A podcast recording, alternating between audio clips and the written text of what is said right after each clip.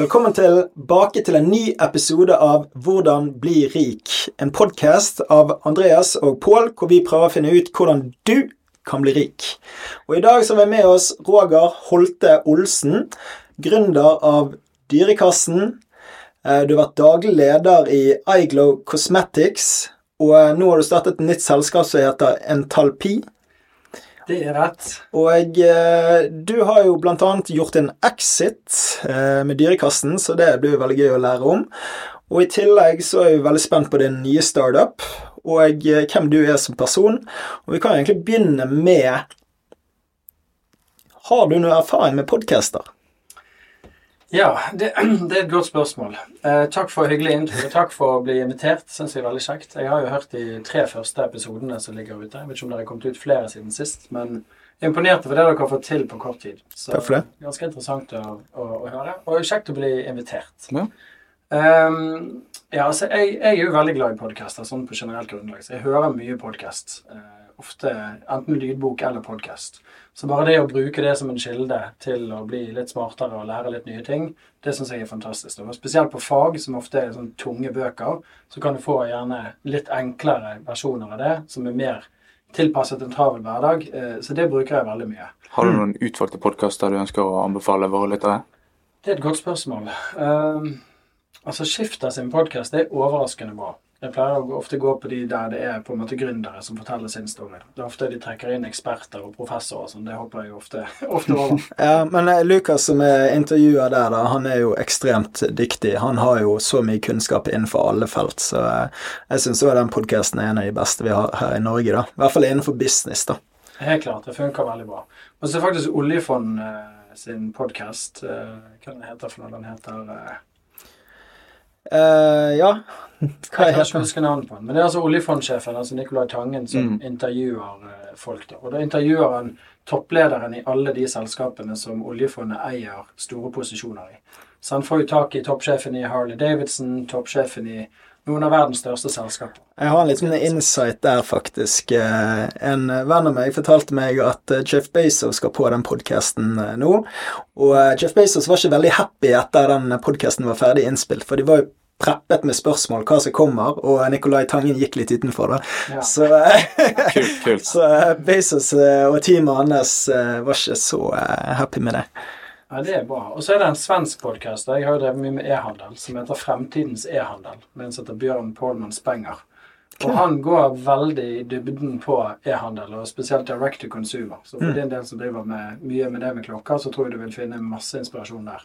Og det han gjør, at han intervjuer de beste svenske selskapene og går veldig ned i puddingen på hva er det som funker, hvordan har du gjort det, hva tall får du ut av det. Så han spør ikke, Det er ikke på overordnet nivå, det er på et veldig sånn dypt, interessant faglig nivå. Så hvis du, hvis du jobber med e-handel, så kan du nesten gå inn der og håndplukke episoder basert på hva du holder på med. Kult. Nei, jeg har jo lyst til at vi skal lære litt om eh, e-handel og, eh, og hvordan man starter opp med e-handel. Jeg har gjort det eh, noen ganger, men du har jo gjort det på et annet nivå enn meg igjen, da. Og du har jo en del kunnskap som sikkert veldig mange har lyst til å eh, lære om, for mange går jo med en drøm om å ha en egen eh, nettbutikk og kunne jobbe digitalt og eh, egentlig fra hvor som helst i verden. Og så er jo spørsmålet er det like lett som, som, som man tenker at det er, sant? For det at Det er ganske rom romantisert det på tror nett. jeg. dag. All, det er mange guruer som sier hvordan du skal bli rik på e-commerce, og jeg tror det er ganske mye vanskeligere enn det folk tror det er. da. Jeg tror den letteste måten å tjene penger på nett, er å lære andre hvordan de skal tjene penger på nett. Ja, det, det, det er jo det, den generelle tingen. Sant? Ja. Det er jo pyramidespill. Det sitter én på toppen, og så lærer noen andre hvordan de skal gjøre det, og de selger kurs ned til de, og så selger de kurs videre til sine, og så sitter det noen på bunn som betaler hele veien opp, da. Og så tjener de ingen penger, men så tenker de å forgude den på toppen, som er guruen, da. Mm. Så eh, det er mer enn noen sånne businesser, men uh, du driver vel ikke med en sånn business i dag, Roger? Ikke, ikke helt. Så, og jeg tror nok at det er veldig rett, at det er veldig lett å lage fasiter på hvordan ting er. Altså det er noen ting du kan lære av andre, men så tror jeg du må Det krever en del forståelse. Og spesielt en bransjekompetanse til å forstå en bransje, og forstå hva som er driverne av den bransjen. Og forstå de trendene som du på en måte jobber i. Det tror jeg er noe av det viktigste, for det handler om timing. sant? Så hvis timingen er feil, så kan du ha et fantastisk produkt, men du bare bommer på timingen. Sant? Altså Markedet er ikke klar for produktet, eller det kan være andre årsaker til at det bare ikke tar av der og da. Og så kommer det noen seinere, gjør omtrent det samme, og så går det til himmels. Ja. Så det, det, det er veldig mye med å forstå på en måte konteksten du skal drive business i, som jeg tror er ofte like viktig som nøyaktig hvilken type business du velger å drive. da. Om det er en e-handel, eller om det er noe annet du, du velger å gå for. Så må du forstå konteksten i det. Hva, hva på en måte er liksom rammevilkår du opererer i da, for at det skal gå bra. Ja, for det endrer jo seg veldig fort, for å si det mildt. Eh, Det er Ja, som du sier, noen er for tidlig, noen er for seint. Som regel så ser jeg at jeg er for tidlig inne på ting. sant? Eh, Mitt første selskap det var jo abonnementstjenester på nett. sant? Ja. Eh, Selge en eh, boks med tilbehør for menn i en mystery box og levere det til folk. Det var jo før software as a service var eh, noe som internettselskaper drev med i seg sjøl. Da var jo ikke det plattformer for å gjøre dette, og betalingsløsninger sånn som det er i dag. Da. Nå er det mye lettere å sette opp den type forretningsmodell. Men uh, timing, det er alt. Uh, men over til timing. Du, du startet jo i Askøy lokalradio. Og dette her var når? Ja, det kan du spørre om. Ja, det er. Det, det er faktisk rett at jeg var med i Asker lokalradio. Så jeg var vel litt Hva skal vi si? Altså, jeg, jeg skulle velge liksom studieretning, så var ikke det på en måte helt åpenbart hvor jeg skulle studere. Så, men jeg visste at jeg ville jobbe med kommunikasjon. Det var på en måte det som liksom var det stikkordet som jeg så for meg at jeg skulle jobbe innenfor. Mm. Og da så jeg litt på journalistikk, som ble veldig sånn spisset mot journalistikkdelen. Som jeg syntes var for så vidt interessant, men ikke nok til at jeg ville på en måte ned i, i akkurat det fagområdet. Og da fant jeg av alle ting medievitenskap, som jeg, uten å snakke ned alle som studerer medievitenskap, så tror jeg ikke jeg hadde gjort det på nytt. Mm. Fordelen med det var at det krevde veldig lite av meg som person. Så jeg studerte vel kanskje på 20-25% av tiden min under studiene. Så da jeg, brukte jeg all tiden min på å gjøre alt annet enn å studere. Men hva lærer man på medievitenskap? Um, altså det, er mye på en måte mediehistorie. Det første året er jo på en måte grunnfag, der du går inn i alt fra X-fag, X-fil med filosofi osv. Og så er det på en måte grunnfag, og så er det da mediehistorie, mediekontekst, forstå hvordan narrativet i en film eller i, Ok, sånn, i ja. en bok er bygget opp. Mm. Så, så det, er- men det er et veldig statisk studium, eller i hvert fall det når jeg, når jeg tok det. Og det. Det var ikke et spesielt sånn givende, så jeg likte jo ofte Jeg tok eh, retorikk og gjorde mye annet innenfor disse frie poengene. De syntes jeg var mye gøyere. Mm. Så tok jeg arbeidspsykologi og personalpsykologi, og så det var jo vesentlig mer interessant. da. Ja, jeg hadde jo sosiale medier som fag når jeg gikk på BI. Det var valgfag, sant. Ja. Men han foreleseren vår, bedriften hans, den hadde sånn 500 følgere på Facebook sant? og 300 på Instagram. Og mitt selskap på den tiden hadde 29 000 følgere på Instagram. Sant? Og han ga meg C. Sant? For det Ja, men eh, det var jo Jeg hadde jo ikke brukt læreboken. Jeg hadde jo ikke kjøpt læreboken. For det Ja, men det er jo ingen vits å kjøpe en lærebok i sosiale medier hvor algoritmen endrer seg sånn. Du må jo faktisk ha et kompendium som oppdateres kontinuerlig. Sant? Ok, Facebook har jo endret på dette, nå er dette kommet, nå kan alle bli verifisert, sant? men dette er jo ti år siden. Og eh, ja, jeg fikk en C i dette faget, men jeg mener jo at jeg kunne, og det mente jo egentlig foreleser nå, at jeg kunne mer enn de aller fleste, men jeg brukte ikke læreboken. Så Nei, derfor var eh, ikke de svarene de ønsket, da, selv om det var gode svar. ja, og, og ofte er jo det at når du får en eh, foreleser sånn, som skal undervise i det, og noen som gjerne beveger seg, så får jo ikke du det siste. Du får jo det de har lært på den tiden de drev med det. Sant? Du får jo ikke den oppdaterte versjonen av eh, det feltet du studerer i, gjerne. Det er min mening. Ja. Det har jo vært et problem lenge. så Det var jo på en måte undervisning i på en måte trykte medier. Sant? Så det var jo også papiravisen det sto om i bøkene. Og så var det en tid der nettavisen for lengst var lansert og var blitt det nye mediumet. Så det var jo en det var jo på en måte et mismatch mellom det bøkene tok for seg, og det som var virkelighet. Så det er klart at da blir jo interessen for bøkene desto mindre. Sant? For det kunne vært liksom nesten en, en forelesning og sagt sånn var det, nå er vi her. Det ser litt annerledes ut. Ja, det ble, ble litt som å undervise i lokalradio når podkast er kommet, sant. det er det er liksom Ok, her har du eh, mulighet til å velge når du vil lytte, mens eh, det hadde du ikke når du hadde lokalradio. sant? Da var jo det å bare pøse ut informasjon, og så Ja, kanskje du hadde 100 lyttere, sant, men eh, nå kan du ha veldig mye flere lyttere, men på det tidspunktet det passer de, sant. Så ting utvikler seg hele tiden. Ja, det. Jeg hadde faktisk eh, Leievotten produktet jeg lagde, inne på, som premie på bingoen på Asker Radio. Nice. En gang, Jeg husker de, de jeg tror de sendte mail og spurte. Jeg bare, ja, ja, selvfølgelig skal dere få votter. Da måtte jeg lytte, da. Så ga de ut etterpå bingoen. Hva, hva snakket dere om på Asker lokalradio? Nei, det, det handlet om Det var et program som het Hit Factory. Som, er, som var drevet av Thomas Anton Nilsen, blant annet. Og en kar som het Anders. Veldig fine folk. Eh, og de, eh, de hadde drevet dette produktet ganske, eller dette showet ganske lenge. Og så er jeg litt sånn enkelt skrudd sammen, så hvis jeg har lyst til å lære noe, så går jeg stort sett liksom rett på, og så finner jeg en måte å lære ting på, da. Så det å lære å skrive og lære å formidle og lære kommunikasjon utenfor skolebøkene, det er det bare én måte å gjøre på. Da må du ut og lære i en redaksjon eller ute, i, ute et sted der du kan praktisere det. Var dette et internship?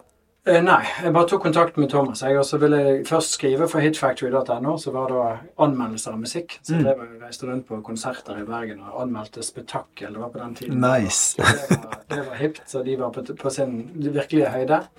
Eh, og så laget vi da musikkprogrammet Hitfactory, som da gikk på Askøy. Eh, Det var deres frekvens det gikk på. Så det var for så vidt en ganske spennende tid. Så da fikk jeg med meg en som heter Tore Gloppen, som i dag jobber i TV 2 som eh, programleder, eller som eh, reporter for Sporten her. Så jeg og han vi satt i studio og messet og heiet på. Så, men eh, gudene vet om det finnes noe klipp av dette ennå. Men var dere Askøys svar på MTV? Du kan få si det sånn. Ja. Sånn røftlig. Men uh, var det vi og han Tore Gloppen at du dro videre til TV 2, da? Nei, det var det ikke. Så, altså, jeg, det, det som jeg bestemte meg for ganske tidlig på universitetet, var det at jeg, jeg vil bygge en CV. Jeg har lyst til å engasjere meg i mye. Så jeg gjorde veldig mye forskjellig. Så jeg var markedssjef i student-TV. Eh, jobbet eh, for dette Hit Factory og skrev og herjet. Jeg var eh, journalist i gateavisen Megafon. Og det var så enkelt som at Thomas Anton Nilsen meldte overgang fra eh, Han jobbet vel i BA mens han holdt på med Hit Factory, og så meldte han vel overgang til, som redaktør for Megafon. Og da tok jeg tak i det og sa dit vil jeg også være med. Og da satt jeg og skrev eh, vesentlig tyngre saker. Altså ikke, ikke sånn altså veldig gode saker, men det var jo en vesentlig mer seriøs publikasjon. Mm. Jeg eh, gatemagasinet for hjemløse og for rusmisbrukere som skulle ha et alternativ til å tigge penger, Mm. så skulle de tjene penger på dette gatemagasinet. Så Du har jo lært å skrive og kommunisere på ganske høyt nivå her, sant? Føler du at dette er noe som har kommet ganske bra med når du har startet med nettbutikk i senere tid? Både søkemotoroptimalisering og budskap, og egentlig treffe publikummet med en fin overskrift på annonsene og de riktige tingene? altså, jeg har jobbet overraskende lite med den type ting. Okay. Så fordi at vi eh, Altså, du kan si hele den netthandelsdelen Vi ble veldig fort eh, klar over at dette kommer til å koste veldig mye penger. Mm. Sånn at min rolle ble veldig annerledes enn å være nede i på en måte det tekniske og lage annonser osv. Så, videre. så vi hadde Øyvind som var, eh, som var markedssjef. Han tok seg av på en måte den delen der. Vi bygget et miljø rundt han. da. Så han jobbet delvis med noen byråer, og så gjorde vi delvis en del sjøl. Mm. Men, men i og med at vi solgte på en måte mer generiske produkter, så, eh, som du kunne få kjøpt hvor som helst, så var liksom ikke verdiforslaget til Dyrekassen at vi solgte hunde- eller kattemat. Det var at vi leverte det hjem på døren. Mm. Så hele den forretningsideen var bundet opp i litt andre ting, da. Så eh, jeg kan for så vidt dra litt sånn storyen for hvordan dette her eh, Veldig gjerne. fremover. For det, Ja. ellers så tror jeg ikke folk helt skjønner Ja. hvorfor jeg begynte med dette. Ja, for det, det var jo Dette skjedde i 2015, sant? Ja. Og Bergen hadde en liten bølge med hotshit eh, hjemlevering av produkter, og da hadde du Adams matkasse som poppet opp i eh, 2014. eh, og så eh, kom jo Lustbox, mitt selskap, i 2015. Abonnementstjeneste der òg. Og så kom dere òg i 2015 og begynte med Istedenfor mat levert på døren for mennesker, så gjorde dere dette for eh, dyr, da. Riktig. Og egentlig så begynner det for min del mye før. Så jeg, jeg når jeg var ferdig utdannet, så hadde jeg på en måte halvveis ut i studieoppholdet, så laget jeg en kartlegging av alle selskapene i Bergen som jeg kunne tenke meg å jobbe for, og så begynte jeg å researche, og så begynte jeg å ta kontakt med dem for å liksom se hvilke av disse skal jeg jobbe for. Og da så jeg et selskap som het NorPR, som var da et utgangspunkt et kommunikasjonsbyrå. Og så bare så jeg at der jobbet det sinnssykt spennende folk. Enorm bredde i kompetanse og kunnskap.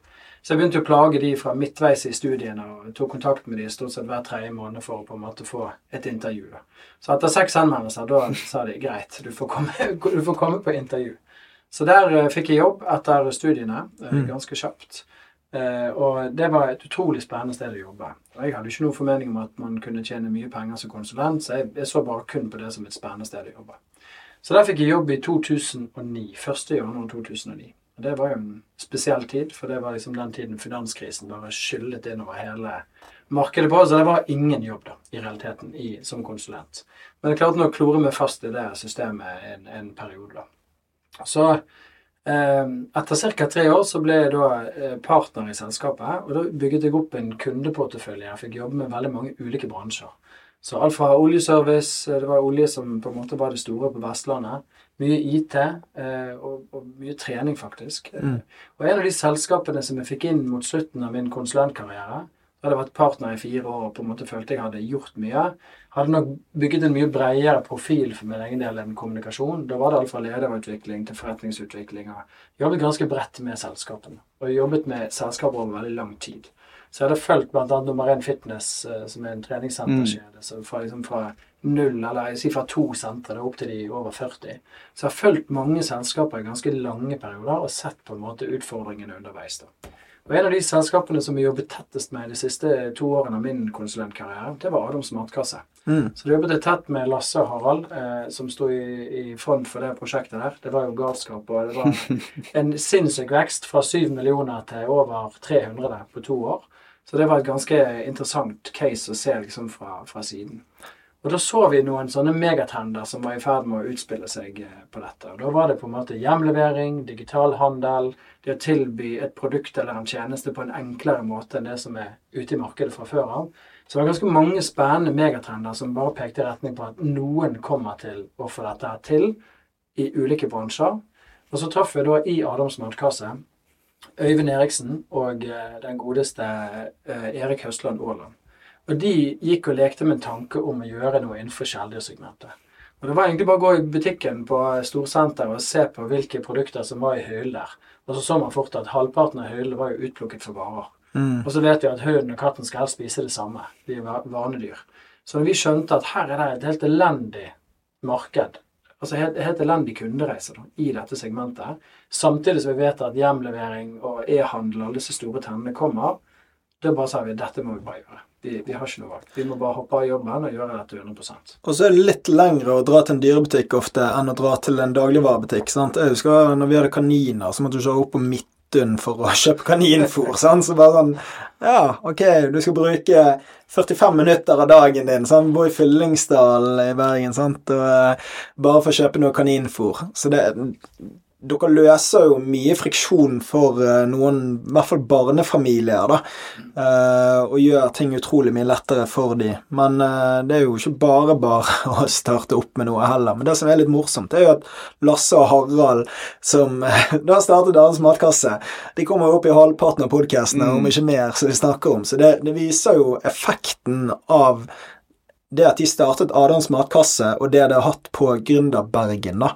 Eh, selskapene som har spunnet ut av å være i kontakt med de, eh, de har vist at det er mulig å gjennomføre det, sant, og eh, inspirert mange andre. Og så er jo det å komme i kontakt og bare sitte og snakke og lære av hverandre. Og det er jo derfor vi, jeg og Andreas, ønsker å eh, egentlig ha denne podkasten, for å lære av dyktige folk som vi ønsker å bli bedre kjent med, og eh, ja, vite at ting er mulig å gjøre, da, på den skalaen.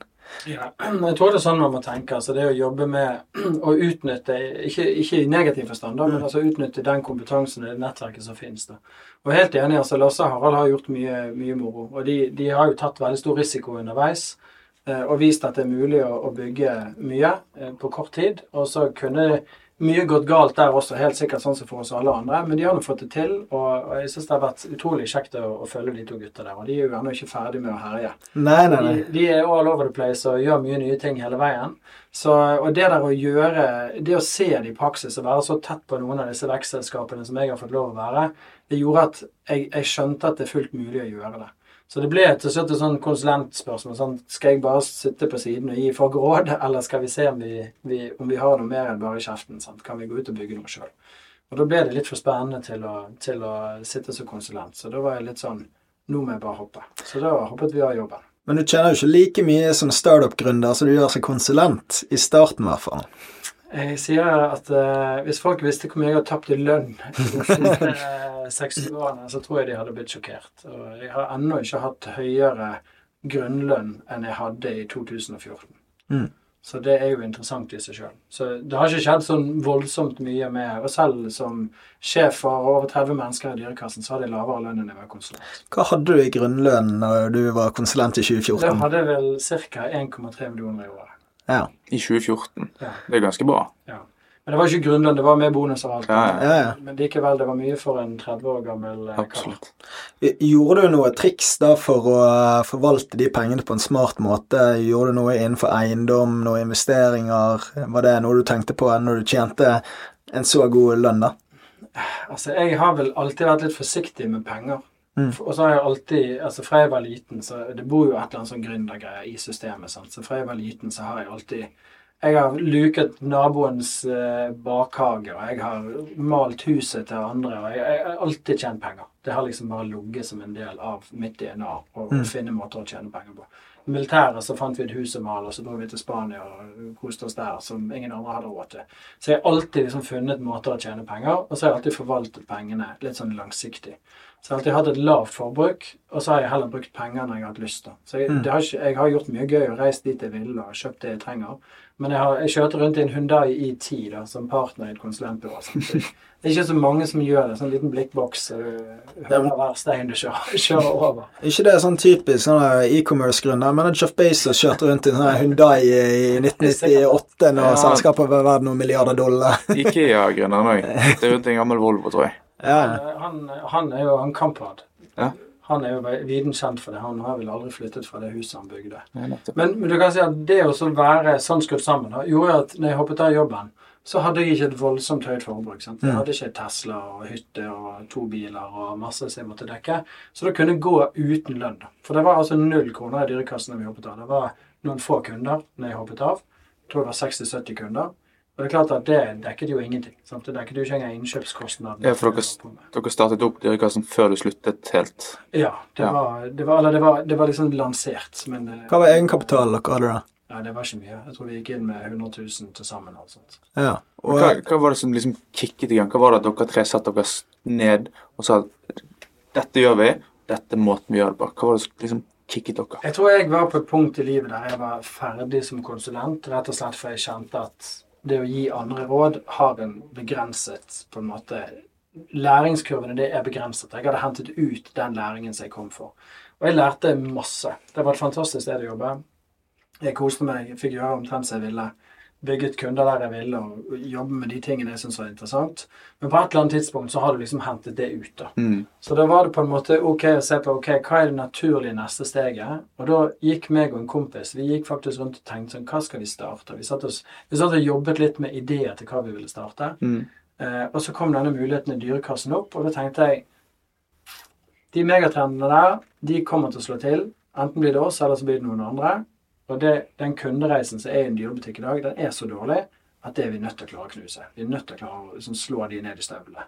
hadde du noe dyr på denne tiden sjøl, eller? Aldri hatt, kommer aldri til å ha, sannsynligvis. Hva, hva var det du sa som gjorde at du falt inn i den dyrebutikken og så dette her, da? Nei, jeg var nysgjerrig. Sant? Så når jeg, når jeg måtte forstå bransjen, så går jeg bare ut i en dyrebutikk og så ser jeg på hvordan den funker. Hvor Mm. mange mennesker går det innom den butikken i løpet av f.eks. en time?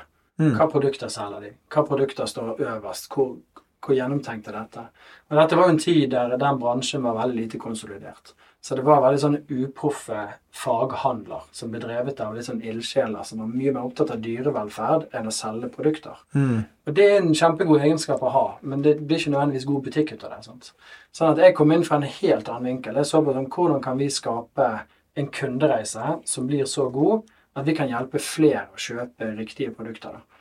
Så Istedenfor å liksom hjelpe én avdeling eh, for dyrebeskyttelsen, som igjen er en fantastisk ting for de som engasjerer seg i det, så tenkte vi kan vi lage en landsdekkende tjeneste som leverer dette hjem på døren til folk når de trenger det. Uten noe binding, uten noe hassle, uten at dette skal være knotete for folk. Mm. I starten så var jo ikke det en veldig god tjeneste. sant? Vi leverte til Bergen og Stavanger og Oslo. Vi kjørte rundt i egne biler, fylte de opp én gang i uken, kjørte rundt. Du kunne kun velge abonnement. Eh, Det var ingen andre produkter enn en mat, og det var bare noen få merker. Mm. Så jeg tror veldig mange kompliserer liksom, Det må være så mye før man går i gang. og Det må, det må være så forseggjort, og ting må være så proft. Men, men hos oss så var jo det ikke sånn. Men den kundeopplevelsen vi leverte til de kundene som valgte oss, den var outstanding. Sånn at de drev jo salget for oss i første fase på vegne av oss. Så det å få folk til å på en måte skjønne verdien av tjenesten Så i starten så vokste vi enormt bare ved noe så enkelt som at folk puttet dyret sitt oppi en eske som sto dyrekassen på, tok bilde av den og la den ut i sosiale medier. Det har Så fikk det enorm spredning. Og det betalte vi jo ikke for i starten. Sant? Så, at, eh, så det å få til denne opplevelsen Jeg tror i Norge så er det med kundeservice helt sånn undervurdert. Og så var jo Sosiale medier var veldig annerledes på den tiden i tillegg. sant? Da var det helt normalt å bare ta et bilde av en uh, hund eller katt oppi en uh, kasse. sant? 'Å, dette var gøy og spennende'. sant? Men nå er jo man mye mer eh, oppmerksom på hva du legger ut, i hvert fall på Instagram. sant? Og så kanskje TikTok har endret uh, For folk har ikke helt forstått plattformen ennå. Så på TikTok så legger du mange ut ganske mye awkward greier, da. Og så er det vel bare Andreas som har skjønt hvordan det egentlig fungerer. Det som er litt gøy, er at eh, jeg jobbet som dørselger i eh, det var vel et halvt år da jeg var 18. Det var i 2015, faktisk. Ja. 2015, Rundt 2016, kanskje. Jeg husker ikke. En av de. Og da kom jeg til en dør som jeg skulle selge på. Jeg hadde ikke på, men jeg så at de hadde dyrekassen utenfor. Det sto en kasse utenfor. Riktig. Jeg tenkte dette er mennesker som kjøper en kasse levert på døren. Her får jeg salg. Jeg fikk salg. For han drev med godt levert på den Ja, tiden. jeg har godt levert, det glemte jeg å si. Eller, Jeg solgte godt levert. De hadde altså tidsproblemer, så de var Ja. villige til å kjøpe seg ut av kniven. De var villige til å betale for det, og det gjorde de for, eh, for godt levert òg. Ja. Nei, og det, det å løse et ekte problem, det tror jeg er liksom for mange De hopper litt bukk over det. Så de skal lage produkter, så har de masse hypoteser om hva produktet skal være, og hvordan det skal funke, og så glemmer de at de løser ikke et ekte problem for kunden. Og det ser du ofte på mange som skal starte med ting, og så har de på en måte tenkt seg eh, et problem, og så istedenfor å gå ut og prøve å teste det produktet i markedet. Om du må så gå ut liksom med penn og papir eller et Excel-ark og, og bare få testet, så gjør folk veldig mye jobb eh, med ting før de lanserer. Jeg har en artig historie der. Jeg var i Berlin i fjor i november. Bodde der hos eh, en som veldig tidlig inne i Gorillas. Det er et selskap som hentet 1,3 milliarder dollar. Og eh, de begynte ved å starte en, under covid en eh, WhatsApp-gruppe for nabolaget. Og eh, folk bestilte mat der, og de leverte mat direkte på døren innenfor ti minutter. da. Så det var bare sånn en viss radius i Berlin, og så hentet de 1 million dollar, og så hentet de 15 millioner dollar, og så hentet de 300 millioner dollar, og så 15 måneder inn så hentet de en milliard dollar til. Sant? Så det, det var liksom Ja, på 15 måneder 1,3 milliarder dollar.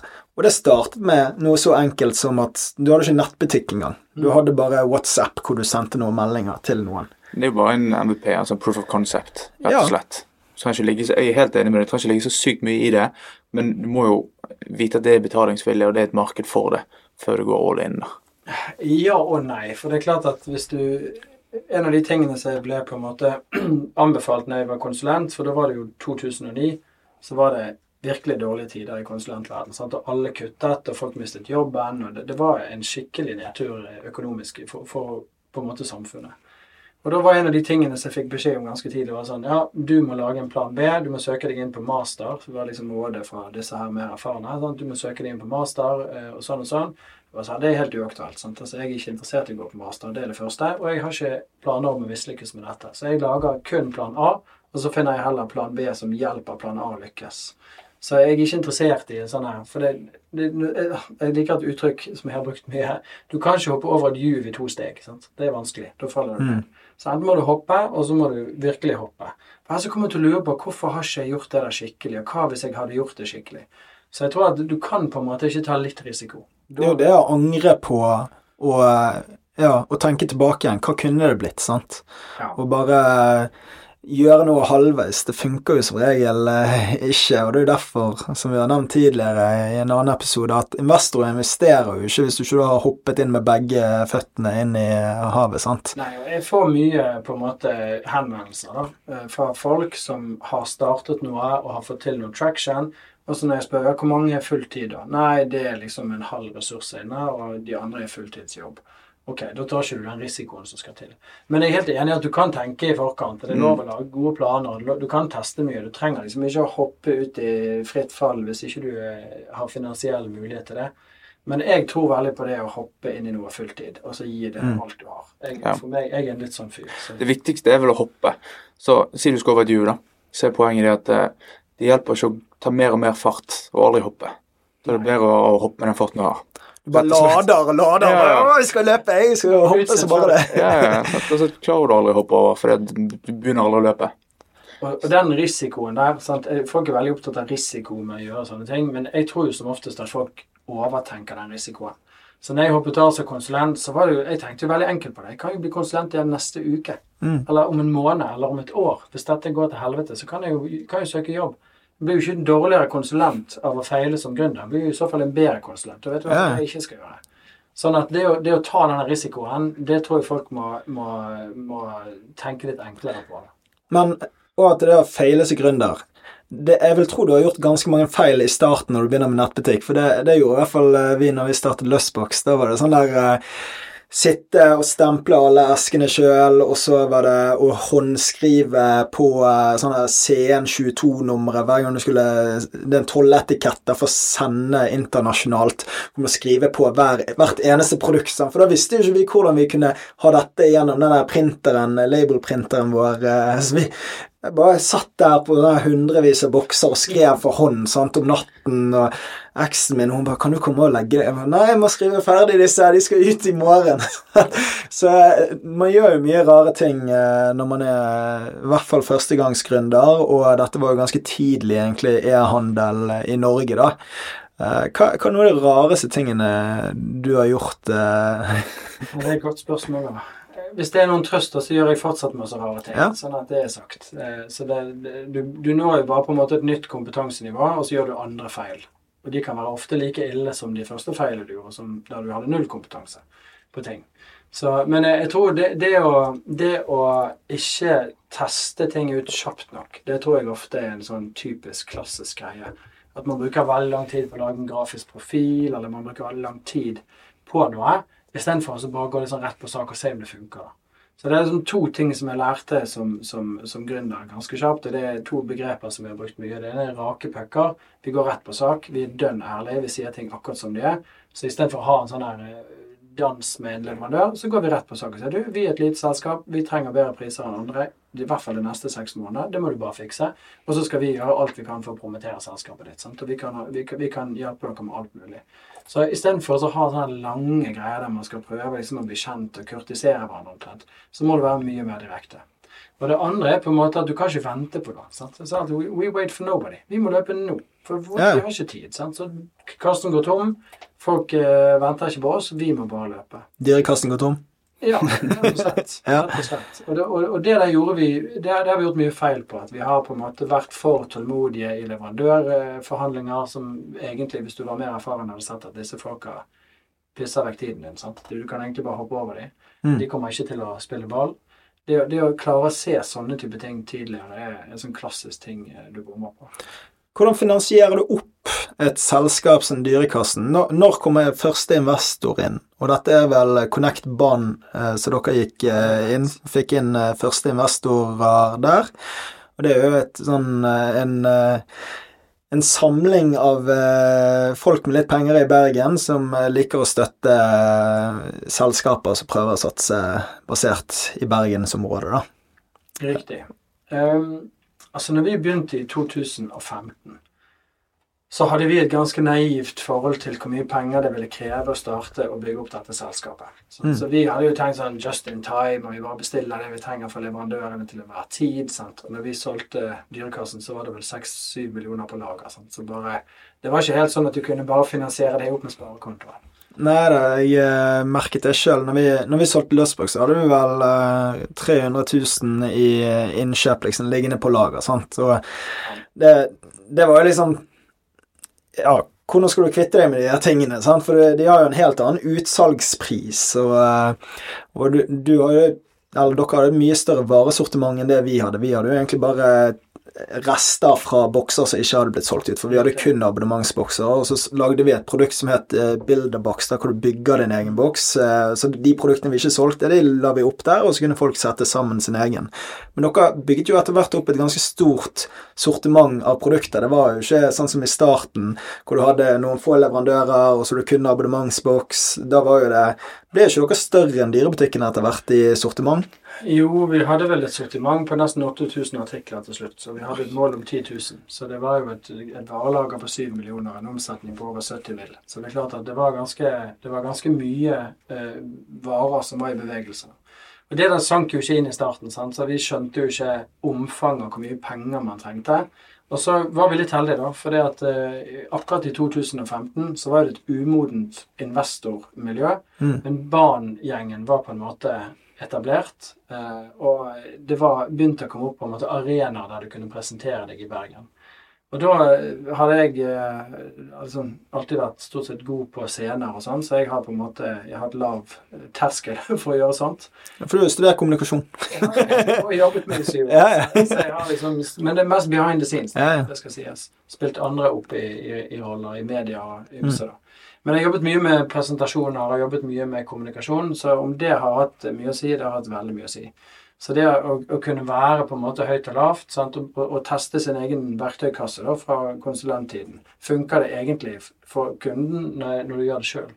Og det, det, funket det funket helt vanvittig bra. Så da var vi på scenen rundt om i, i veldig mange ulike settinger i Bergen og presenterte Dyrekassen. Og så var det veldig tilfeldig. En av disse galne investorene som heter Dag Skansen, som jeg etter hvert kjenner veldig godt og har stor respekt for, eh, han tok kontakt via kundeservice og sier hei, så er det på scenen sånn og sånn. Vi, jeg ønsker et møte for å diskutere en investering.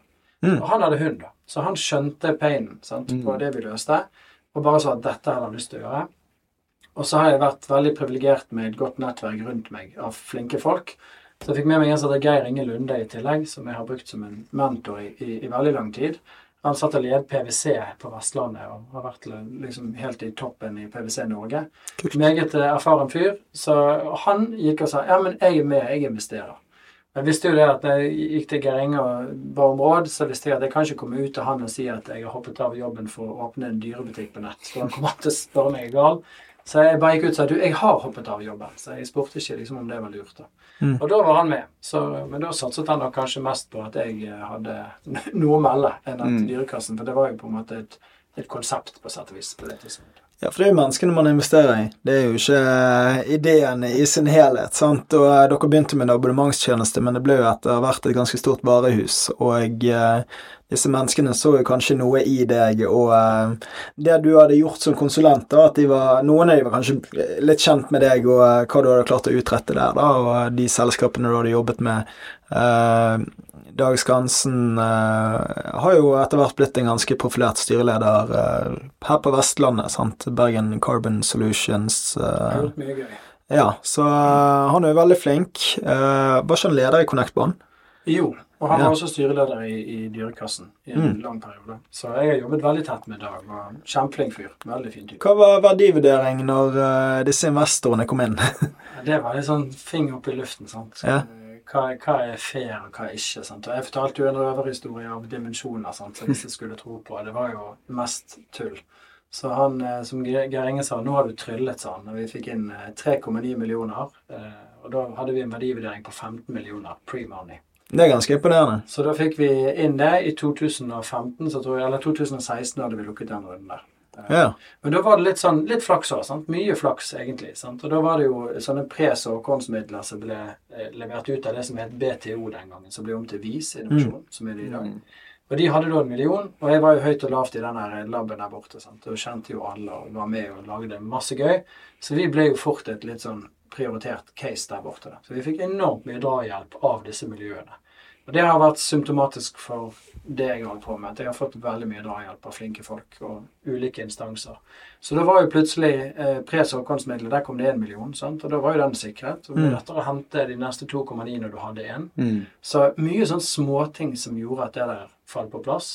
Og så fikk vi til et bra oppslag i DN, så da kom det investorer fra andre deler av landet som ville være med. Og da var det plutselig sånn en voldsom hype rundt det. da. Og så fikk vi, fikk vi inn 3,9 millioner. Vi visste jo ikke hva vi skulle bruke det til omtrent. sant? For vi sa jo bare Jesus, det gikk jo over all forventning. sant? Her fikk vi 3,9 millioner. Måtte nesten si nei til penger. Så, men vi tok inn alt, da. Og så tenkte vi dette er jo sinnssykt. Nå kan vi til og med få lønn. Så det var ikke verst. Det er jo ganske eh, imponerende å så tidlig hente 3,9 millioner, da. Eh, Men dere fikk jo inn Momentum Partners òg, som var første venture capital-selskapet her i Bergen. Ja. Det Nå-. Kom de inn i den runden? Nei, først så rotet vi det jo skikkelig til for oss selv, selvfølgelig, i starten. Så vi, vi hadde jo på en måte sett at vi skulle både lage denne nettbutikken, og så hadde vi funnet ut at dyreklinikkene hadde da eh, 95 hunder og katter. Så vi hadde jo da eh, spisset på hund og katt. Sånn, så vi tenkte liksom hvor mye verdi er det å levere undulatmat hjem på døren. Sant? Den er litt Mm. begrenset. Du kan få sånn pose en gang i året. Så det droppet vi. Så vi hadde kun hund og katt. Og så fant vi ut at disse dyreklinikkene hadde jo da alle hundene og kattene i Norge. Og så begynte vi å prøve å selge via de, da. Og da gikk vi litt i spagat. Sant? Både kompetansemessig og kapasitetsmessig. Så det var, det var ingen god idé å prøve å gjøre to ting. Så det er dette med fokus og, og teste noe skikkelig. Så det som skjedde, var at vi rotet vekk veldig mye penger. Så vi, og vi fikk jo ikke til denne klinikksatsingen i det hele tatt. Det, så da var ikke vi langt unna konk, altså. Hva var det som gjorde at den stanget? Eh, det, det, jeg skulle jo vært rak i puckene mye kjappere. Så i det øyeblikket jeg tok på meg en sånn hvit skjortel, og så gikk jeg inn i dyreklinikken, og så sto jeg der i to dager, så skjønte jeg det at folk kom jo inn der med en hund som på å Krepere. Mm. Den, det siste den personen tenkte på, var å kjøpe nye hundeleker og Mm. ny sekk med hundemat. Og det hadde jeg funnet ut hvis jeg hadde gått inn der et år før, sant? eller et halvt år før. Så det er sånn typisk sånn enorm feil. Sant? At du har masse antakelser og hypoteser om at det du gjør, er rett. For de Mm. må jo forstå at hvis vi gjør sånn, så blir dette genialt. Og så er det ingen sammenheng med det kundebehovet whatsoever. Men det er jo det å finne product market fit, sant, og det, det koster mye penger. Og her, som du sier, dere roter vekk 3,9 millioner nesten på å prøve å finne frem, og så var ikke det riktig. Hvordan føler du deg da når du sitter der, og de pengene er vekke, og dere er i nærheten av konkurs, og så skal du ut og hente nye penger? Hva, hva går gjennom eh, hodet ditt? Jeg tror du bare, liksom, må bare fikse det. Hva skal du gjøre? Ja. Det er ikke så mye valg. ja, men Hvordan går du ut i markedet da og sier 'hallais, du, nå eh, vi har eh, Igjen, mye flaks Ja. og en del tilfeldigheter. Så det som var fint, var at vi hadde kuttet denne satsingen på, på dyreklinikker og sagt at det, det krever helt andre muskler enn det vi har. Og det kan godt være at det hadde vært mulig å få til, men da måtte du samarbeidet med en eller annen klinikkskjede, og du måtte hatt helt andre marginer på produktene, sant? for det var ingenting som gikk opp i det der. Så det var hypotetisk prosjekt som vi hadde overbevist oss sjøl om at var veldig smart, da. men det var det jo ikke. Så vi kuttet det, og så var vi veldig tydelige på at det har vi nok kuttet. Det var en feil. Vi måtte legge oss 100% flat og bare si at det, vi, vi drev på draget. Vi har rotet vekk masse penger. Men vi hadde begynt å få en hockeystikk på digitalt salg på dyrebutikken. Som viste en veldig fin kurve. Så det gjorde jo at det var et potensial i andre enden. Sånn. Så da sitter jo investorene som har puttet penger på, i en liten pickle. Skal de slås konk, så taper de jo alt. Og så er det en veldig spennende kurve i andre enden. Så hvis de putter mer penger på den, så kan det jo være at det blir mer verd, eh, de aksjene de har kjøpt. da. Så vi kom i en liten sånn heldig situasjon at vi hadde skapt en traction i andre enden, som var jo veldig bra. da. Mm. Og så fikk vi veldig god drahjelp fra Innovasjon Norge. Så vi, jeg, jeg har jo vært god på kommunikasjon, så jeg har skrevet mye søknader og den type ting. Så da fikk vi gjennom en søknad på, på, på røftlig Hva de fikk ut, var vel 2,5 millioner. Men det ble i form av et lån, da. Ja. Så da tok vi inn det lånet, og så fikk vi gjort en ny emisjon på 2,3 millioner. Eh, Men da visste vi hva vi skulle bruke penger på. Sant? Da hadde vi gjort våre feil. sånn sett. Vi gjorde masse feil etterpå, men, men da hadde vi liksom, vi hadde bommet nok til at vi skjønte konseptet. Så da fikk vi inn 2,3 pluss 2,5 til. Så nesten 5 millioner i total kapital på den runden der. Og hva skulle disse pengene brukes til? Ja, da var det marketing. Ja. For liksom antall produkter og bygge nettbutikken og inn med kundeservicefolk. Og, altså det var, da visste vi at det ville funke. da. Ja. Så, og da begynte traction virkelig å gå, liksom. Og da eh, Vi gikk vel fra 1 million i omsetning, eh, og vi nærmet oss liksom type 6 millioner i omsetning når vi, når vi måtte hente penger på nytt. Så vi hadde fått en veldig fin traction. Ja. Jeg tror vi landet på 8,4 eller 8,2 i det året. Så det ble et veldig godt år, fra 1 til 8. Og så gikk vi da fra 8 til 26, komma et eller annet, hvis jeg husker rett. Så året etter. Så da var, jo, da var jo veksten veldig bra, og vi hadde på en måte en helt annen forståelse for hvordan butikken skulle bygges da. Og det var det året der vi begynte, liksom, vi gikk mot 26, det var da vi fikk med momentum. Eh, og da var det en helt annen profesjonalitet, selvfølgelig. Hvor mye gikk de inn med, da? Fem? Gikk inn med seks. Seks, ja. Ja. Og eh, jeg regner med at i den perioden dere gikk fra 8 til 26, så var det da produktutvalget gikk vekk fra bare å være abonnementstjenester, og det begynte å utvide seg, sant? Ja, men jeg husker Jeg har alltid hatt sånn lav terskel for bare å ringe folk. Så Mm. hvis jeg lurer på noe, så bare går jeg rett på sak. sant? Så det med rake pucker passer jo meg som type. Men hvis jeg lurer på noe, så ringer jeg folk. da. Mm. Så en av de jeg ville prate med ganske kjapt, det er en som heter Ole Sauer. For han, drev han hadde etablert komplett.no. Ja. Og så hadde han etablert noe som heter jollyroom.no, som er da en lekebutikk for eh, barneartikler og den type ting. da, Fra baby til opp til gaming. liksom. Mm. Og han er en høyst oppegående kar og har drevet milliarder på nett og bygget mye imponerende. Så jeg fikk tak i han her på et vis, da. Og så bare sa jeg, du, hva gjør vi nå? Altså, vi, vi står her nå, vi har så mange kunder. Hvordan skal jeg tenke? Hva er viktig? Hvordan skal jeg posisjonere dette?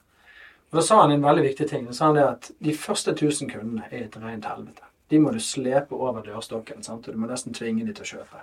Og Du må ringe alle du kjenner, og de må ringe alle sine venner igjen. Og så må du bare gjøre det som skal til. Så Vi satt og ringte på telefonlister, vi, vi, vi snakket, reiste rundt og ringte på døren til folk. Vi, vi var all over the place. Ja, for da var jo dere litt inne på det Andreas drev med, som var telefonen Nei, dørsalg, sant. Å gå og banke dører og egentlig selge inn til helt tilfeldige mennesker. For dere hadde jo et produkt som veldig mange trenger, da. Sant? De Ca. én million husholdninger. har dyr i Norge. Ok. Og hvor mange husholdninger er det i Norge? 2,4 eller noe sånt? det er noe sånt. Så det er jo Ja, dere har 40 da. Det var en viss sjanse for å treffe. ja. Det var det. Men, men eh, telefonsalg og dørsalg var ingen hit eh, for vårt produkt. Så vi gjorde det, og det kom inn kunder på det, men det var ekstremt tungt. Det var ikke, det var ikke skalerbart. ja. Hva var det dere traff på, da, som eh, var Digital annonsering. Ok. Men da hadde vi brukt mye tid da, på å få på en måte brandet opp og fram. Så vi hadde brukt mye tid i media, brukt mye tid på scener overalt. Vi samarbeidet med Dyrebeskyttelsen. Så vi har gjort masse for å bygge innhold inn i brandet, sånn at folk kjente til Dyrekassen. Så det øyeblikket du skal begynne med annonsering, og det tror jeg er veldig likt nå, at hvis du begynner med annonsering for tidlig, før du har noen virale effekter der folk deler brandet ditt og har lyst til å være en del av det, så blir det ekstremt dyrt. For da skal ikke du bare selge liksom et produkt, da skal du selge et brand som ingen har hørt om. For det er jo 7,2 touchpoints uh, for å få et salg i uh, netthandel, sant, i snitt. Så det vil si, du må, du må treffe en kunde på gjennomsnitt 7,2 forskjellige plattformer eller eh, måter da, før de gjennomfører et kjøp hos deg. Så det ja. Det er ganske mye, og det tror jeg har nesten økt, altså, fordi at antall kanaler har blitt så mange flere. og Det betyr at konkurransen i kanalene har økt, og på en måte antall kanaler du faktisk må være til stede i og, og lage en profil på, har også økt. Så jeg tror kompleksiteten i å drive på nett er tøffere nå enn når vi begynte. For i starten, så, altså vi, når vi leverte eh, med egne biler, så var jo ikke det eskalerbart heller. Så vi hadde jo masse på en måte hodepiner der vi måtte løse. Men jeg tror den største verdien var at vi alltid var veldig veldig tett på kunden, og vi hadde kundeopplevelse som det viktigste kompasset. Så vi hadde aldri liksom lønnsomhet eller andre ting. Og da tror jeg ikke vi hadde fått det til. For kalkylen gikk jo ikke opp i starten uansett, så vi var nødt til å ha investorpenger. Uansett sånn som vi drev det. For vi puttet skala på med en gang. Istedenfor å bygge det stein for stein organisk, så la vi opp til en fundingstrategi der vi skulle ut og ta markedet. Så vi gjorde det veldig tidlig. da. Og da, da kom vi veldig tett på kunden. Så når du er ute og leverer ukentlig til kunden, og du snakker med kunden, så får du midt i trynet hva som er bra, og hva som er dårlig. Og da kunne du gå tilbake på kontoret og skru på sortiment og nettside og hele liksom. Det, det hørte jeg uh, Mois eh, Ali, som startet Native eh, deodorant i USA, si, da. At ok, uh, Procter Gamble, når de sendte ut en deodorant, eh, kom inn i eh, Target eller Walmart, kjøpte det. De hadde jo ingen kommunikasjon med kunden, ingen feedback. Men når han solgte en deodorant levert hjem, så fikk jo han automatisk feedback, og han sendte ut en mail som bare sånn Ja, hva synes du? Sant? Og så får han Ok, dette søg med produktet. Uh, dette må du fikse. Sant? Og så kan du justere, som du sier. Exactly. Sånn hele tiden. Null problem. Du har direkte kontakt med kunden, og det er jo i hvert fall innenfor deres felt når dere er så bredt eh, som forskjellig dyremat. da. Ok, dette produktet her, det er ingen av dyrene våre Eller ingen, ingen hunder som egentlig liker denne uh, hunde, det hundefôret her. Uh, hvorfor selger dere det, liksom? Hunden min nekter å spise det. Mens en vanlig dyrebutikk, de vil jo bare sånn Ok, vi selger det, men ok, vi har det inne. Folk kjøper ikke det igjen. Dere ville jo hatt den dataen om folk kjøper det igjen, om det er noe ja, interesse for det. Sant? Hvis du gidder å lytte, altså. Du gjør mm. det. Og det så, så jeg tror at det å være sånn direkte da, i starten, eh, det tror jeg har veldig stor effekt. For du lærer veldig fort liksom hvordan du må tenke. da. Og så blir du veldig fort klar over hvor skoen trykker. Sånn. Så det tok ikke lang tid fra vi kjørte rundt i egne biler, til det ble en ren skaleringshodepine. Vi hadde for mange kunder. Og det å kjøre rundt i Bergen og Stavanger sånn, Da gikk jo all tiden med til kjøring. sant? Og da, Hva sentrale hubber i Bergen, Stavanger og Kanskje ja, Oslo etter hvert. Først hadde vi et outsourcet lager, som er mye mer normalt i ja. disse tider. sant? Så Da har du en 3PL-løsning som tar seg av det. sant? Det, men det fantes jo ikke på den tiden der. på samme måte. Men du hadde Bring sitt hovedlager oppe på Nesttun, så der hadde vi lager. Mm. Men det var dyrt. Eh, så det var ikke spesielt gunstig for kalkylen. Ja, for da var Bring deres tredjeparts eh, lagerløsning. Riktig. Og det, det husker jeg snakket med Fredrik eh, Guttormsen om, eh, ja, sa tights.no og netthandelsgruppen. sant? Ja, og han, De holdt jo på å gå konkurs, de, basert på egentlig den Bring-løsningen. For det, de strupet de helt når de skulle flytte inn i sine nye lokaler med netthandelsgruppen og få Comfy Balls til å gå til himmel, samtidig som tights.no.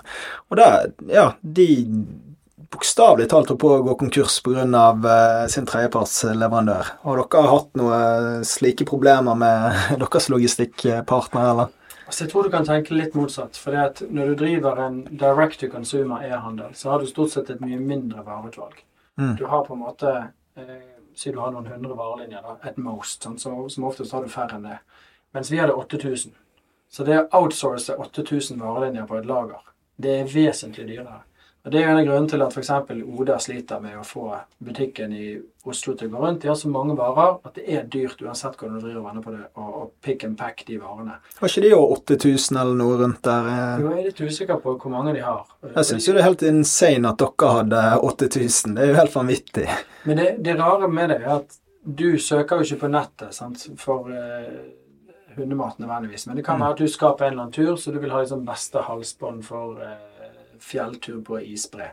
Det er ditt behov. Okay. Og så har vi en artikkel. Sånn, vi bygget opp eh, en blogg, blant annet, som ble mm. en av Norges største blogger. Ble topp 20 største bloggene når Sofie Elise var på toppen blogg. Så vi kjempet med liksom influenseren om å ha den største bloggen i Norge. Kult. Så, og da bygget vi opp en enorm base. Eh, og det var jo basert på en ren søkemotoranalyse. da. Mm. Så vi har sett på hva er det folk søker etter, hva er det de vil vite noe om, og så skrev vi godt innhold lærerikt, underholdende innhold med snert i, i, i språket. Ikke, det var ikke meg som skrev. Ja, så egentlig, Det som er egentlig vanlig på sosiale medier, sant, det er jo La det være personlig. sant? Mm. Og det er jo, som du sier, litt uh, humor, litt uh, snert i språket. Det er jo det folk relaterer til. Det er jo ikke den corporate-metoden hvor uh, alt bare står firkantet rett opp og ned. Og, og mye, mye, hjerter og søte hunder og katter i den bloggen her. ja, var det du som skrev? Nei, det var ikke jeg som skrev. Nei, Du skriver ikke med hjerter? Nei, jeg er ikke så god på det. Og så tror jeg at jeg er bedre på den business-siden enn jeg er på den på en måte kommersielle på en måte det å skrive for sosiale medier nå. Jeg tror ikke jeg er nødvendigvis den riktige eller beste til mm. å gjøre det. Men hva ble din del i Dyrekassen, da?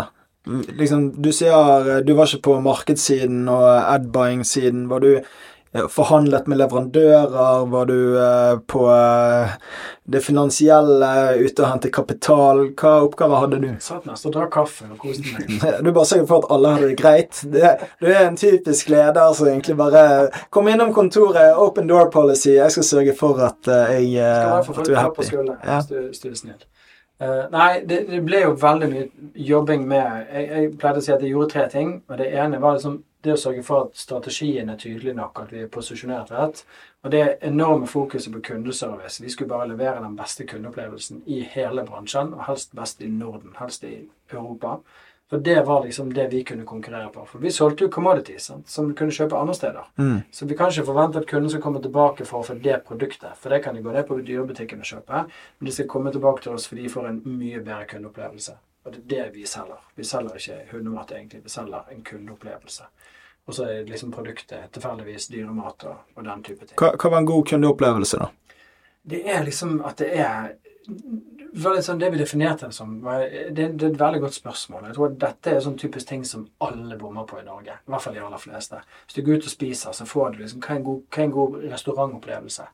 Hva er en god opplevelse når du går et eller annet sted i en butikk og skal kjøpe noe? Sant? Og det er jo at du får hjelp på litt sånn på dine premisser. Men vi definerte det som at når det går til helvete med den kunden der, så skal vi være den som forteller kunden at det har gått til helvete, og vi gjør alltid vår makt for å fikse det problemet. Sånn at istedenfor at du får en sur melding av posten og bringer at pakken din er forsinket, så skal vi ringe deg før. Og så skal vi si du, vi har en dårlig nyhet, og det at pakken din er forsinket, vil være en god nyhet. Vi jobber ræven av oss for å løse det problemet for deg. Og jeg lover deg at du har den pakken så snart det er menneskelig mulig å få, få den levert til deg. Og det er ingen som blir sur da. Det har jeg mm. aldri opplevd. Aldri opplevd fra, altså Nå har jeg ikke testet dyrekassen, men fra andre. Det er ofte jeg bestiller ting på nett, og det mm. blir forsinket, og det er sånn Ja, faen heller. Hadde jeg fått den telefonen, og det hadde vært så personlig som du beskrev nå, mm. jeg hadde nesten sittet og vært glad for at den var forsinket. Ja, det, det går helt fint. For disse, disse, bryr seg faktisk om at jeg skal bli fornøyd.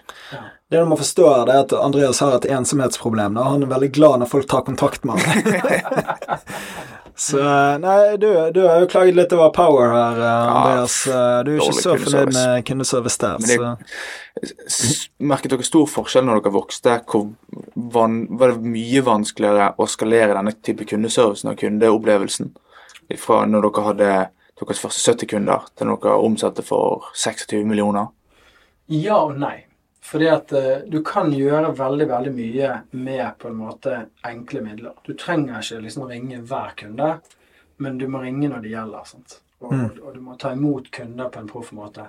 Ofte så fikk jeg de kundene som var kanskje surest og sintest, da, fordi de har gjerne tømt seg på kundeservice og liksom fått ut sin eder og gale, og så fikk jeg de, da. Og en mm. sånn telefon elsker deg, for da får jeg anledning til å snu de personene til en hyggelig mm. samtale.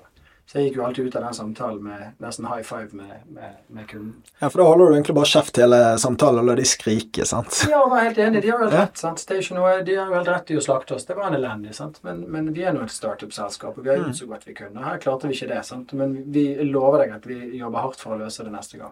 Det som er veldig gøy med forretningsmodellen deres, er jo at når du først har en kunde inne, da, og du leverer god service så kommer de til å legge igjen uendelig mye penger i butikken deres. sant? Ja. For min del så er det sånn Ok, jeg kommer med en ny kolleksjon, og så kanskje den eh, de syns det er et fint produkt, og så vil de kjøpe den. Men dere kan jo nesten regne hjem eh, lifetime-valuen av denne kunden. sant? Og hvor mye var dere villige til å betale for å få inn en kunde, da?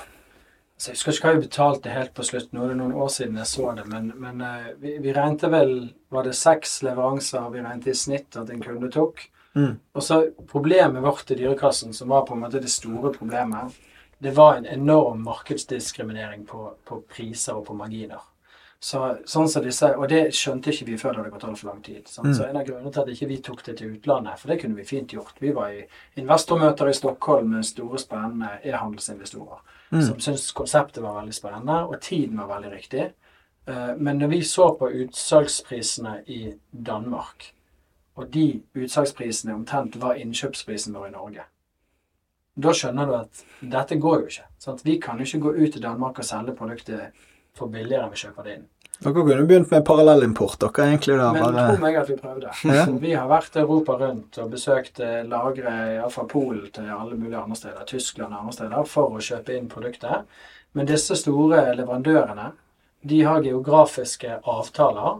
Og hvis leverandørene deres igjen, eller underleverandørene, bryter med det, så kuttes de tvert. Så det er en diger eh, tysk eh, aktør som heter Soplus, som har da laget seg et nettverk av parallellimport. Og de har effektivt stengt ned den traseen for alle andre. For da har altså leverandørene gått inn og så har de regulert markedet.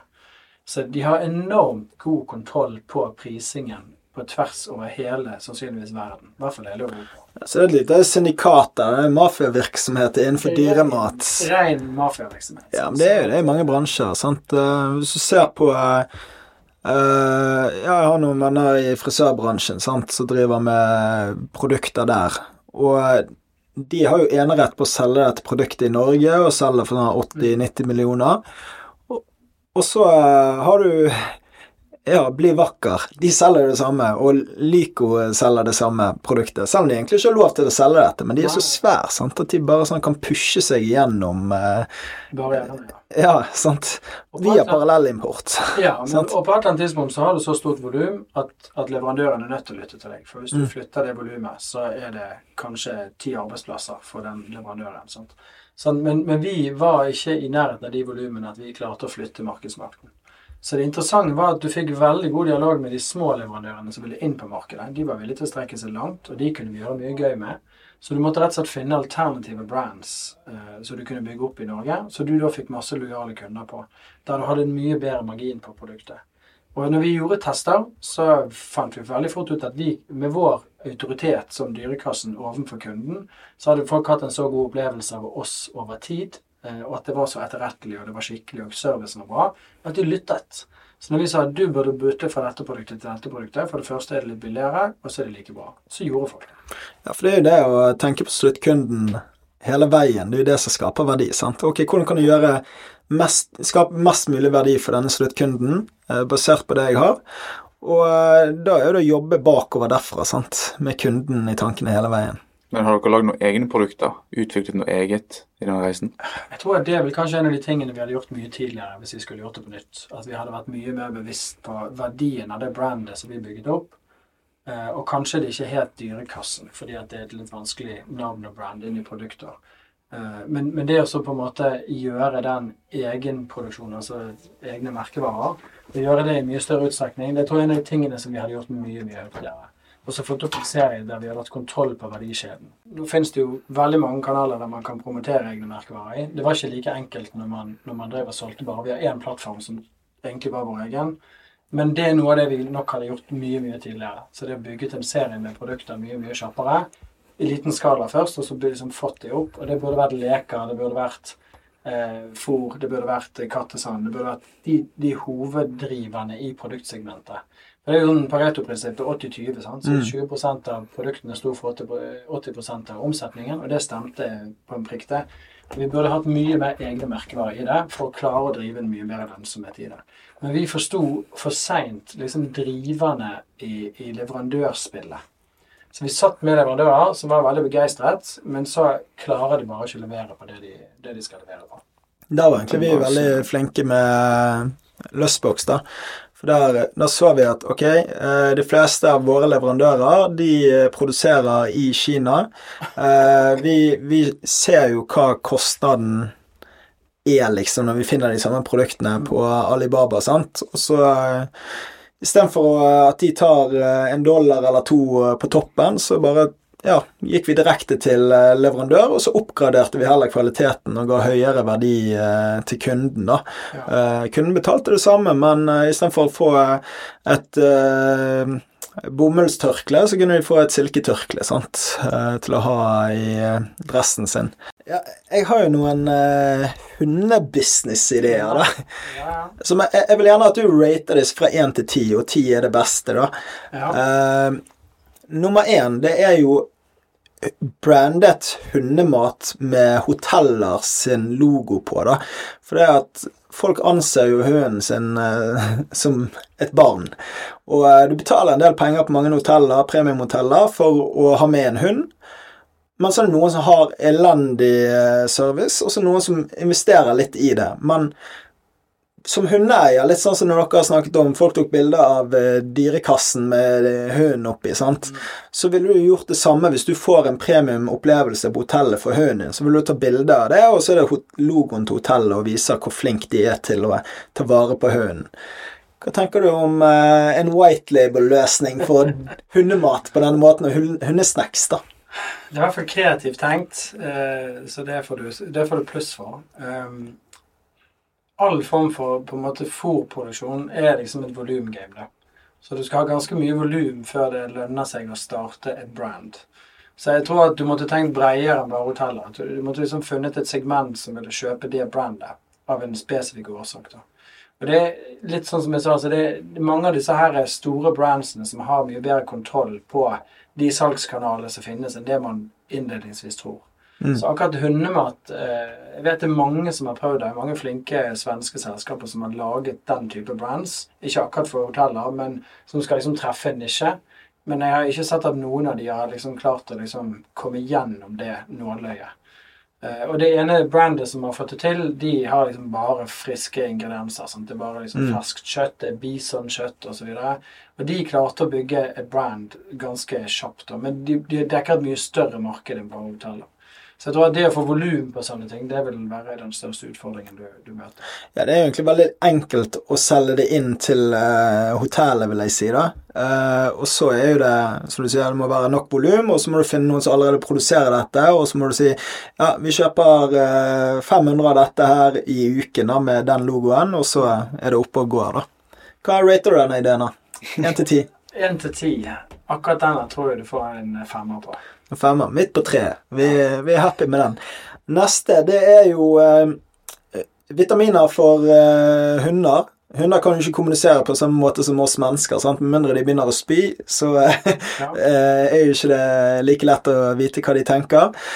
Men man er jo veldig opptatt av at hunden vil ha det bra. Og hvis du tar og brander dette som eh, type eh, Athletic Greens eh, for hunder, da, og så eh, sier du at dette er det beste for hunden din og magen, og at den skal ha det bra, og du får riktige influenser til å, eh, med hunder til å si at 'Å, hunden min har det så mye bedre nå som han spiser eh, hundevitaminer'.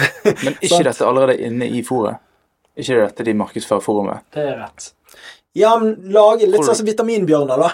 Ja, men Bare med for hunder, og så selger du som en abonnementstjeneste, så du får levert månedlig, og bare Når du først har fått inn denne kunden, så bare kommer det på repeat. Nå har kremmeren våknet for fullt her. Nei, eh, jeg tror du møter problemet på ernæringssiden. At du vil, du, det som du sier, dette er jo tilsatt. altså Fôr er jo tilsatt alle næringsstoffer de trenger. Så istedenfor å tenke at de må ha både grønnsaker og alt, så de får alt de trenger gjennom det fôret. Så det er på en måte optimalisert for det. Og så finnes det på en måte oljer og sånt som du gjerne heller over fôret som, som hunden spiser. Så, og, og det er typisk ting som hvis de har dårlige ledd osv., så, videre, så må de ha da ekstra olje, f.eks.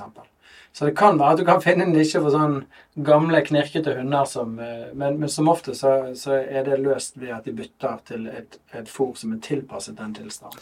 Ja, men nå, nå snakker jeg egentlig om å selge luft til disse hundeeierne. Da. Sånn, det, det er jo egentlig bare sånn der eh, visjon om at hunden har det bedre hvis han spiser dette her. Sant? Og så betaler du som hundeeier bare pga. du er så glad i hunden for å ha denne Det er garantert noen som har prøvd seg på dette, men den får eh, da to. For Den får to. Jeg tror at du går da til krig mot ernæringsspesialistene og eh, de fleste. Og da, da finner du sånne galne influensere som tar betalt for å si det, men eh, du får fort problemer i andre enden. Del to av denne episoden ligger allerede ute. God lytt.